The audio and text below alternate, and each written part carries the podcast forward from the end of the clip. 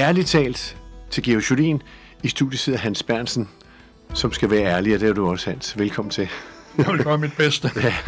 I forrige udsendelse, der fortalte du lidt om både dit erhvervskarriere, men også hvordan du lige pludselig forandrede livet og ville gøre noget mere i den tro, du var opdraget i, men det skulle være øjensynligt, der skulle ske noget. Øh, så det var det, der var udfaldet af, at du igennem 39 år har arbejdet med Mission Danmark, som du kalder det, og øh, rejst rundt og holdt møder, prædikner, bønnemøder, bedt for syge, og du gør det stadigvæk, og i øjeblikket gør det på Facebook kl. 14 hver lørdag, hvor man kan tune ind på hansbernsen.dk Facebook, og så er man med der. Øhm, men du har også fortalt lidt om, at øh, det er ikke noget, du tjener penge på. Det gør jeg ikke. Det er ikke det, du vil. Det er ikke det, der er meningen. Nej, jeg, jeg får en meget stor løn, men den kommer senere. Nej, det er, det er, jeg har arbejdet som frivillig alle 39 år. Ja. Og det er jo, jeg er så glad for, at jeg har haft et, øh, et job, en karriere, som har gjort, at jeg har tjent de penge, som jeg har brug for. Ja. Så øh, det næste skridt i dit private liv, men måske også offentlige, men vi hører ikke så meget om det, det er, at øh, du også har engageret dig i Afrika. Og fortæl om det. Ja, det gør jeg meget gerne. Jeg havde nogle gode venner, øh, som boede her i Danmark. Øh, en, øh, han var gift med en pige fra Kenya, og de flyttede så til øh, Afrika, til Kenya, fordi de skulle ned og arbejde med et projekt ved Victoriasøen, hvor de skulle forsøge at lave noget omkring fiskeopdræt. Og da de kommer til ned til Kenya, så har hun, Mary, hun har en drøm, og i den drøm, der ser hun, at jeg står og taler til det afrikanske folk. Og det kan de besked på, og hvad gør man så? Så tager man selvfølgelig en beslutning og tager der ned. Og der blev så arrangeret møder på en øh, kaffefabrik dernede i fantastisk naturskønt område. Og det blev arrangeret en, en lørdag eftermiddag. Hvorfor det gjorde det, det har jeg undret mig meget over i bagefter. Så det var mest kvinder og børn, der kom på mødet. Og jeg står jo og fortæller om Guds kraft og hvordan vi skal bede for hinanden og de forskellige behov. Og der var god respons på det, mange ønskede bøn. Der kommer så en kvinde hen, bærende på sin søn, som er 3,5-4 år. Drengen, han var født med et hoved, der var for stort. Det var tydeligt at se. Men derudover var han kunne ikke tale. Hmm. Men det største problem for drengen, det var, hans ben kunne ikke bære ham. Det var ligesom, der ikke var, var knogler i, så selvom man forsøgte at holde ham i begge hænder. Han, altså benene kunne falde sammen. Han faldt, ja. de faldt bare sammen. Ja. Og jeg bad så en bøn og for ham. Jeg må indrømme, jeg har nok ikke set dybden af hans problemer, men jeg bad bønnen, fordi ham jeg beder til, han ved jo, hvad årsagen er, og han ved, hvad løsningen er. Så bad en enkelt bøn for den her dreng. Hun sætter sig tilbage med drengen. To minutter efter, der begynder de alle sammen over i det hjørne og sidder klap mm. i hænderne. Hvad er der sket? Drengen, han begyndte at gå rundt. En dreng, der aldrig har kunne stået på sine ben, hmm. han begyndte at gå rundt. Og balancen var... Ja, altså. Ja, ja. ja. Benene, de holdt dem. Vi har senere besøgt ham. Tre måneder efter. Han gik stadigvæk. Og ikke nok med det. Han var også begyndt at tale. Hmm. Kan det nu lade sig gøre? Ja, det kan det. Øh, prøv at læse i, øh, i, i det nye testamente af Apostlenes Gerninger, det tredje kapitel. Der er der en beretning øh, om Peter og Johannes, de er på vej op til templet. Og foran indgangen til templet, der, står der, der sidder der en krybling. Og der står om den her krybling, han øh, bliver båret hen hver dag. Han har siddet der i mange år. Han, det var jo et strategisk godt sted at sidde og tjekke penge, ikke? når folk skulle ind i, i templet. nu ser han så Peter og Johannes komme gående, og han kigger jo på den hånden frem i forventning om, nu får jeg nok en god skilling. Men der sker så det. Peter, han standser op og ser på krøblingen.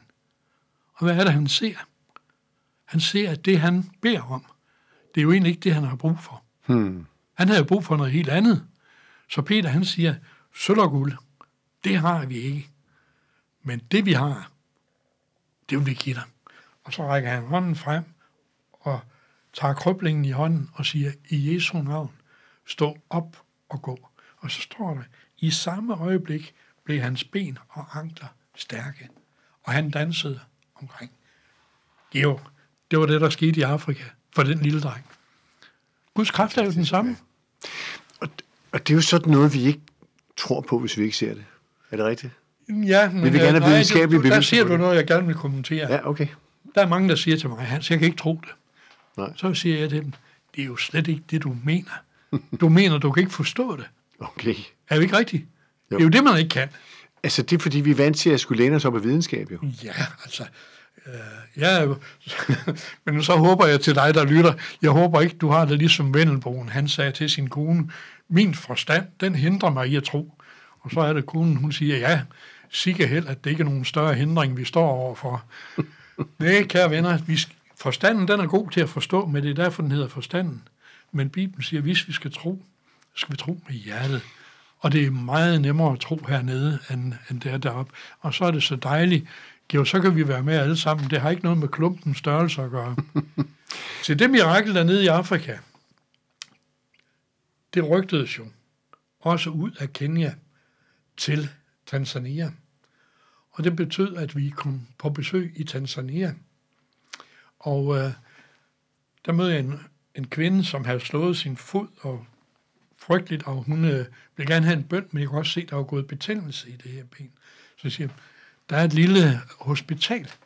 Vi lige køre ned, så du kan få det renset og gjort klar også. Da vi kommer derned, der møder jeg for første gang rigtige massager. De her, der lever hele deres liv ude i bushen. Mm. De høje, slanke Ja. og, og så videre. Der var sådan en massaj, der var indlagt, fordi han var syg. Ham kommer jeg til at bede for. Og øh, så siger han, inden I tager til Danmark, så må I love at komme ud og besøge vores Boma, altså landsby. Og øh, det blev så aftalt, og jeg vil sige, det er ikke så enkelt, fordi det er ikke noget med GPS. Det er noget med mange kilometer ud, og så 6-7 kilometer ind i bushen. Da vi så kommer derud, der har aldrig været hvide mennesker derude før. Så vi var de første hvide, der kommer. Og vi bliver så modtaget af Masajens far, høvdingen. En meget stolt mand, der fortæller, ja, jeg er jo gift, jeg har 10 hustruer og 70 børn. Han så også lidt træt ud, stakkels mand. Men da, så siger han så, den ene af mine hustruer er meget alvorligt syg af kræft. Hun har været på hospitalet, som også sønnen havde været på. Hun var blevet sendt hjem. De kunne ikke gøre noget for hende. Så de siger, tag hjem og dø i dit hjem. Om jeg vil tage ind og, og bede for hende. Vi går så ind i hendes hytte og beder for hende. Så siger høvdingen, der vi havde bedt bønden, jeg beder også, men jeg ved ikke, hvem jeg beder til. Hmm. Så vi gik ind i hans hytte. Og der fortæller jeg så om det her med, at jeg ved godt, mange massager, de beder til et træ, eller til et bjerg. Jeg siger til høvdingen, men ved du hvad, der er jo en, der har skabt træet. Der er en, der har skabt bjerget. Nemlig en Gud, som vi kan få en personlig relation til. Og så er massajerne sådan indrettet, at når de hører noget, der lyder rigtigt, Hmm. det lyder fornuftigt, så tager de imod det. Så Massajen, han åbnede hjertet for troen. Han bøjer for første gang sig ned og beder en bøn til den levende Gud. Det var en stærk oplevelse. Hmm. Vi tog hjem. Vi kom tilbage tre måneder efter. Hvem bliver vi modtaget af? Kvinden, der var ved at dø af kræft. Wow. Hun var helbredt. Ja. Tror du, det var svært at samle alle sammen i, i lejren? Nej, for de vidste jo, hvad der var sket. Ja. Alle massajerne valgte at tage en beslutning og komme til personlig tro. Ligesom høvdingen var det. Hmm. Og det har så udviklet sig. Sådan at vi holdt møder, når vi var dernede, og så siger han, det er jo alt for lidt, at du kommer her hver tredje måned. Det kan vi jo ikke... øh." Så siger han, nej, men vi må finde ud af noget. Vi skal jo have en massaj uddannet. Hmm. Vi skal have en, som kan blive den, som er her hele tiden. Og så siger jeg, find den, du mener er den rigtige af dine mange sønner. Og han finder så to. En, der hedder Sandra, og en, der hedder Lazaro. Dem får vi sendt på bibelskole i Arusha. Sandra for at blive præst, den anden for at få noget, være sammen med brorerne og så lære mm-hmm. engelsk. Mhm. Og øh, de færdiggør deres præsteuddannelse dernede. Vi beslutter så, at vi vil bygge en kirke til den dernede. Og den sætter vi i gang og får bygget en kirke, hvor der er plads til cirka 300 massajer. Der kan være mange på en lille plads dernede. Massajer, og den færdiggjorde der blev indvidet dernede. Og den første, der blev døbt dernede, det var høvdingen selv, så det var kæmpe, kæmpe fester. Det har så fortsat. Vi har senere bygget en kirke mere dernede, og øh, vi har hjulpet med skolebyggerier dernede også i, øh, i Tanzania. Og så sker der det, at vi kommer tilbage til den her lille klinik eller hospital, hvor vi mødte Bassein for første gang. Den var lukket. Hmm. Og vi finder ud af, hvad er der sket? Jo, ham der havde den lægen, han var død, og der har ikke været mulighed for at fortsætte den. Og vi finder så for kontakt med lægens enke, og siger, hvad siger du til, at vi kunne starte det her hospital op igen? Jamen, det ville hun jo være meget taknemmelig for, at hun havde arbejdet sammen med sin mand i mange år. Og vi tager sådan en beslutning. Vi leger bygningerne, og så ansætter vi medarbejdere, læger, sygeplejersker mm. osv., og driver det lille hospital, for at vi kan, det er jo meget, meget fattigt område dernede, sådan at vi kan, vi kan tilbyde massajerne, men også alle de øvrige om fattige i området, en kvalificeret, mm. god behandling til en meget, meget lav pris. Og det har vi så kørt nu dernede i, jeg tror det er 13 år. Og jeg skal lige spørge, de penge, som I investerer i, hvor kommer de fra? De kommer fra gaver. Altså mennesker, som synes, det er en god idé. De projekter. Så det er, når du har været rundt i landet? Så ja, altså når jeg har været rundt og taler, og nu her også på Facebook, jeg har ikke gjort meget ud af det, for jeg har ikke rigtig været dernede i år. Nå. Jeg skal derned for øvrigt, kan jeg sige nu. Måned, ja. ja. her i maj måned. Og der vil jeg også lave et opslag, hvor jeg viser, hvordan man kan være med til at støtte det. Og jeg kan sige med sikkerhed, at 100% af det, der bliver indbetalt på den konto, det når frem til formålet. Men der er en sæt mere, som ikke er den mindst vigtige i Tanzania. Det er hvad? Der er utrolig mange forældreløse børn. Der er et område dernede, som var sådan et trafikknudepunkt. Og på grund af det, at der var meget, ja, var der meget prostitution dernede, mm. og, og mange blev ramt af, af AIDS, og det betød, at der var utrolig mange forældreløse børn. Og øh, vi tog en beslutning, at det vil vi gøre noget ud af. Og vi så fik bygget to huse dernede på hver 72 kvadratmeter, så vi kunne have piger i det ene hus og, og drenge i det andet hus. Og øh, det startede med 24 børn. Vi havde 12 piger og 12 drenge. Vi fik ansat medarbejdere. En, vi kaldte en far, som skulle passe drengen. Bror til det, vi en kok, en vagt, og så en vandmand. En vandmand. Ja, der var ikke vand indlagt, så vi havde en, som simpelthen på fuldtime kørte på cykel og hentede vand. Hold da op, ja. Og det, det startede for 13 år siden, hvor mm. børnene var små. Og nu her, ja, nu er den ældste er jo 20 år, og de fleste er 19, 18, 17 år, og måske en tilbage på 14. Det har været en fantastisk. Vi har så kunne give dem, vi har betalt alt for dem. Mad, tøj, skolegang osv. Og nu begynder de fleste af dem, der er kun to tilbage nu på det, vi kalder form, altså de, sådan at de har været i skole i 11 år hmm. dernede af. Og det vil sige, at når de er færdige efter 11 år, så har de jo en uddannelse, som der ikke er 10 procent af børnene i øvrigt dernede, der har. Hmm. Så har vi besluttet... Vil der så ikke opstå noget misundelse? Nej, det kan vi ja. jo ikke. Altså alle børnene, ja. som vi har ansvaret for, ja. det kan vi, dem, øh, der har vi så sagt, at når de er færdige med det, der hedder Form 4, altså efter 11 år, så får de en bankbog. Hver enkelt. Mm-hmm. Med et beløb, som er sådan, at de kan fortsætte deres uddannelse. De kan vælge, hvad de vil. Der er en, han vil være sagfører. Der er to, der vil være journalister. Der er nogen, der vil være lærer, og så videre. Sygeplejersker. Og de her børn kan nu frit vælge den uddannelse, de vil have. Så vi har givet dem et fundament. Og det er min tanke, det er jo, at jeg skal bevare den kontakt, også nu, og også mm. fremover. Mm. Når de begynder at stifte familie og se, hvad, hvad er der sket. Og jeg kan også mærke, at jo ældre børnene er blevet, jo mere betyder jeg i farrollen for dem. For de har jo ikke nogen andre. Nu er de jo blevet så gamle, vi kan snakke om tingene. Så, og de kan tale engelsk nu jo. De uh, kan tale engelsk, ja. De kan kommunikere med lidt god hjælp, ja. så går det. Så, så det vil sige, at, at, at du kommer der, fordi du deres øh, ja, overhovedet, kan man vel sige, i Ja, deres der sprog, ikke? Faller, faller. Ja, ja. Det er sådan, det er. De ja. har jo ikke nogen, altså de... Vi er der med, med den støtte, og jeg er jo så øh, taknemmelig for, at alle de medarbejdere, vi har haft, dem, dem har vi jo ikke længere nu, fordi de sidste fire år her, der er de jo gået på kostskole. Så vi har jo ikke nogen medarbejdere ved siden af. Vi har børnene, som har været på kostskole. Og øh, de medarbejdere, vi havde helt fra børnene var små, var kristne. Og de, alle børnene har jo fået simpelthen den kristne tro med igennem hele opvæksten. Og det var en stor glæde for mig sidst, jeg var dernede, at nu har børnene en alder, hvor de selv kan tage deres egen beslutning.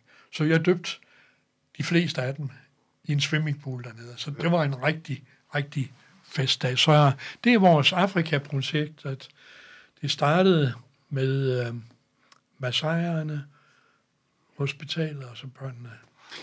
Og hvad siger naboerne, nabolandsbyerne, så lægger de mærke til det her? Ja, jeg tror bare, de står og siger, giv det over hos os. Okay. De er ikke negative over det. Nej, nej, nej, nej, nej. Tværtimod, der er, vi møder en fantastisk gudvild. Jeg har været heldig, kan man sige, at mødt nogle af toppolitikerne dernede, og blevet virkelig modtaget pænt af dem dernede. Og får den support, som de nu kan give omkring det. Man kan sige, at når, når du har selv været ude, jeg har jo researchet temmelig meget på dig, du har selv været ude og få lagt nogle videoer ind på din egen side, hvor man ser, at du møder børnene, og, og man ser, hvad det er, der foregår. Ja. Kan du forstå, at øh, når man taler så meget om andre problemer i verden, hvor, hvor vores korrespondenter fra diverse stationer er ude og kigge på det her, hvorfor har du ikke været i dem? Jeg, tror, jeg har sådan en eller anden fornemmelse, Geo, som gammel journalist, så må du vide det, at den dårlige nyhed, den sætter bedre end en god nyhed. Og jeg tager godt at våge den påstand. Hvis man forbød negativ omtale i medierne, både radio og tv og medierne i det hele, forbød alt negativ omtale, i løbet af et halvt år, så vil medicinforbruget i Danmark blive reduceret med 50 procent. Så det, det, er noget, det er noget af en konklusion. Nå, men ved du hvad, Georg? Hvordan bliver du? Du bliver ligesom det, du føler dig bliver med. påvirket af. Hvad er det, der giver tro? Det er det, du hører. Det, du lægger øre til. Og hold dig op, hvor lægger man øre til meget. Også nu her, konspirationsteorier omkring, øh, jeg skal nu lade passe på ikke at gøre mig uvenner med nogen, men hold da op, hvor har jeg læst de mest mærkværdige ting på Facebook. Om, om pandemien her. Ja, man tror, det er Bill Gates, der putter noget i. Men, men lige tilbage til, til din virkelighed omkring det her. Når, når du går så helhjertet ind i det her, er det så fordi, du ser, at det var det, Peter og Paulus, altså ikke Paulus, men, men alle de andre, de var i gang med. Er, er det en direkte afledning 2000 år efter? Ved du hvad? Det er jo, når jeg har fået lov at opleve det, jeg har oplevet igennem bøn og så videre, så du, du kan simpelthen ikke lade være. Det, der er jo ikke nogen glæde, der er større, end at være med til at formidle en livsforvandling øh, til mennesker. Jeg er jo ikke ude at prædike moral. Jeg står med et, med et budskab til mennesker, som hvis de ønsker det, kan give dem et nyt liv. Et livsfundament. Ikke det er problemfrit, for det bliver det ikke, selvom man tror. Møder du kritik? Nej. Nej. Og det er jo et mirakel. Tænk sådan en Volvo-direktør og så videre, en forretningsmand, huha, nu skal han... Jeg har stort set ikke haft negativ omtale igennem alle årene. Er der nogen, der er forbeholden for at tage samtalen op med dig, som ikke er inde i den her øh, guddommelige verden, lad os bare kalde det det? Ved du Georg, det er nok svært for mig. Det er jo dem, jeg ikke hører fra, så det ved jeg ikke. Men man hører altid by saying, der bliver jo talt rundt Nej, omkring. ikke? det tror jeg ikke. Jeg tror, jeg tror, jeg forhåbentlig er så enkel, at det tror jeg ikke, folk er bange for. Jeg er jo heller ikke rigtig pastoriseret. Undskyld udtrykket, ikke? Jeg er jo sådan lidt en almindelig forretningsmand, ikke? Der, der Så har du- bare har fået lov at opleve. Så du bruger dine forretningsuddannelser til at gå ind og lave et stykke frivilligt arbejde professionelt? Jeg ved ikke, jeg vil sige, at jeg tror, jeg bruger den gave, Gud gav mig, også til at være forretningsmand. Den fortsætter jeg med at bruge, også efterfølgende. Så jeg Så det- tror ikke, det, det er en speciel uddannelse, som jeg har gennem at være forretningsmand. Jeg tror, Gud har givet mig øh, nogle gaver, som øh, jeg med glæde deler ud af. Vi skal lige sige her til sidst, at øh, vi kommer tilbage med en udsendelse mere, som skal handle om Ukraine. Øh, men måske lige nævne her på, på vippen af den her udsendelse, at, at man kan jo gå ind på din Facebook og se mange af de ting her. Øh, og ikke mindst det, der foregår hver lørdag kl. 14, hvor der er en halv time, hvor du beder for de, som kommer ind. Og hvad er det, du siger, der er en begrænsning på 5.000? Som venner. Det, så må du ikke have flere? Nej, det, må man, det kan man ikke have, og det ved jeg ikke hvorfor, men, men det er jo ikke, det er ikke noget problem, fordi noget... man kan bare gå ind som, som følger, ja. og som følger, der ser man præcis det samme som alle andre, og jeg kan sige, der er hundredvis, og jeg overdriver ikke, der er hundredvis af videoklip, du kan kigge tilbage på, ja. fra jeg startede, jeg tror det var i 16, så i de her 4-5 år, der er jo, altså jeg har næsten, for tiden har jeg næsten dagligt et, et nyt opslag ind med et lille videoklip. Og selvfølgelig, det er jo øh, situationer, som er sket hmm. for nogen tid siden, ja. fordi jeg ikke kunnet rejse rundt de sidste års tid. Så og der kan man få lov til at se, øh, hvordan det her bøn foregår i virkeligheden, og også for mange se en tilbagemelding om, hvordan de er grebet ind. Mennesker, der var opgivet af lægesystemet, der havde kræft, der er blevet helbredt osv. Hans, sådan rent teknisk, gør du det selv på Facebook? Nej, jeg, jeg lægger ord til. jo, jeg gør, hvis du rent teknisk mener. Ja. Jeg har et lille stativ, så har jeg min, min iPhone, den ja. trykker jeg på. Okay, og du går selv ind og redigerer din Facebook-side? Den bliver jo ikke redigeret, for det er direkte, jeg sender om lørdagen. Men det, du putter ind af videoklip? Ja, ja, det ja. klipper vi jo til der. Så, så der er jo. både åndskræfter og håndkraft. Ja, det er Men uh, håndkraften, den er kun sådan lige til at pynte af. Hans, vi øh, er sluttet i næste udsendelse. Vi tager en udsendelse 3 omkring, hvor vi går ind i Ukraine, som er et helt anderledes projekt, som jo også øh, stammer fra afledning af det, du har lavet igennem de sidste mange, mange år. Ja. Så velkommen tilbage.